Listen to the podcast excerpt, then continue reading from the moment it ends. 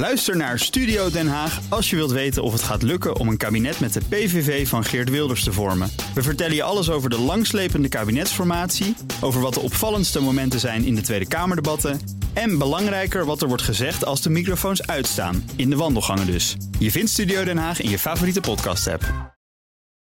Postma in Amerika. Tijd voor het Amerikaanse nieuws door de ogen van onze correspondent in Washington, Jan Postma. Jan, Harris gaat naar de grens. Ja, het gaat dan toch gebeuren, Bernard. Uh, ze lag al wekenlang uh, onder vuur van Republikeinen dat ze daar maar niet heen ging, terwijl er toch een crisis gaande is. Nu gaat ze morgen, vrijdag, uh, naar El Paso.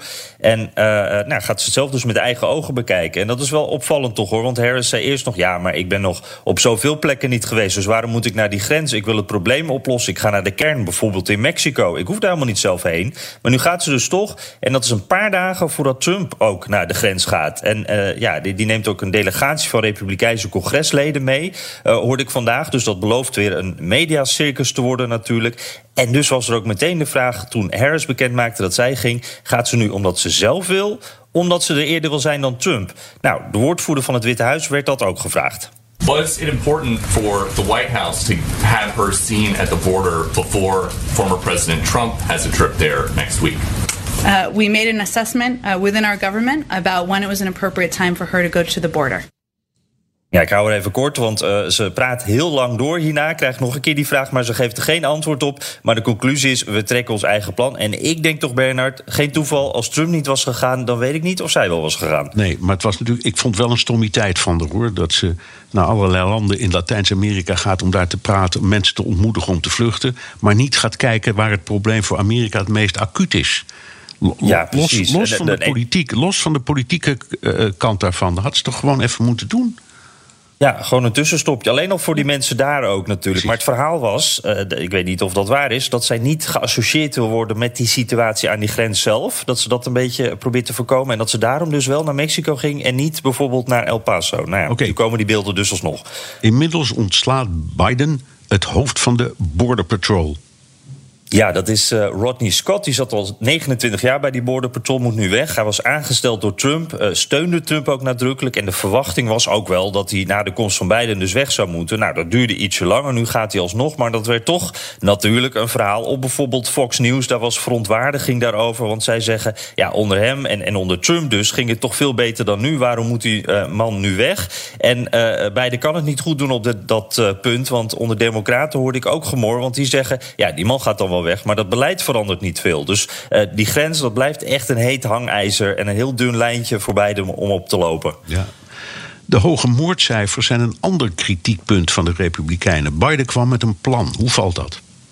Ja, nou, daar, daar komt dat, datzelfde thema weer terug. Uh, die, die, die, moordcijfers die zijn natuurlijk al een tijdje behoorlijk hoog. Hè. Veel verhalen van vuurwapengeweld in New York bij jou, in Washington bij mij, Chicago, andere steden. Uh, extra gevoelig onderwerp sinds Black Lives Matter.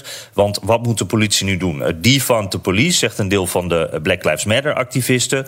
Refund de police, zegt rechtser Amerika. Meer geld naar de politie. Dat zeggen overigens sommige democraten ook hoor. En Biden die stuurt nu via de staten meer geld naar de politie, 350 miljoen.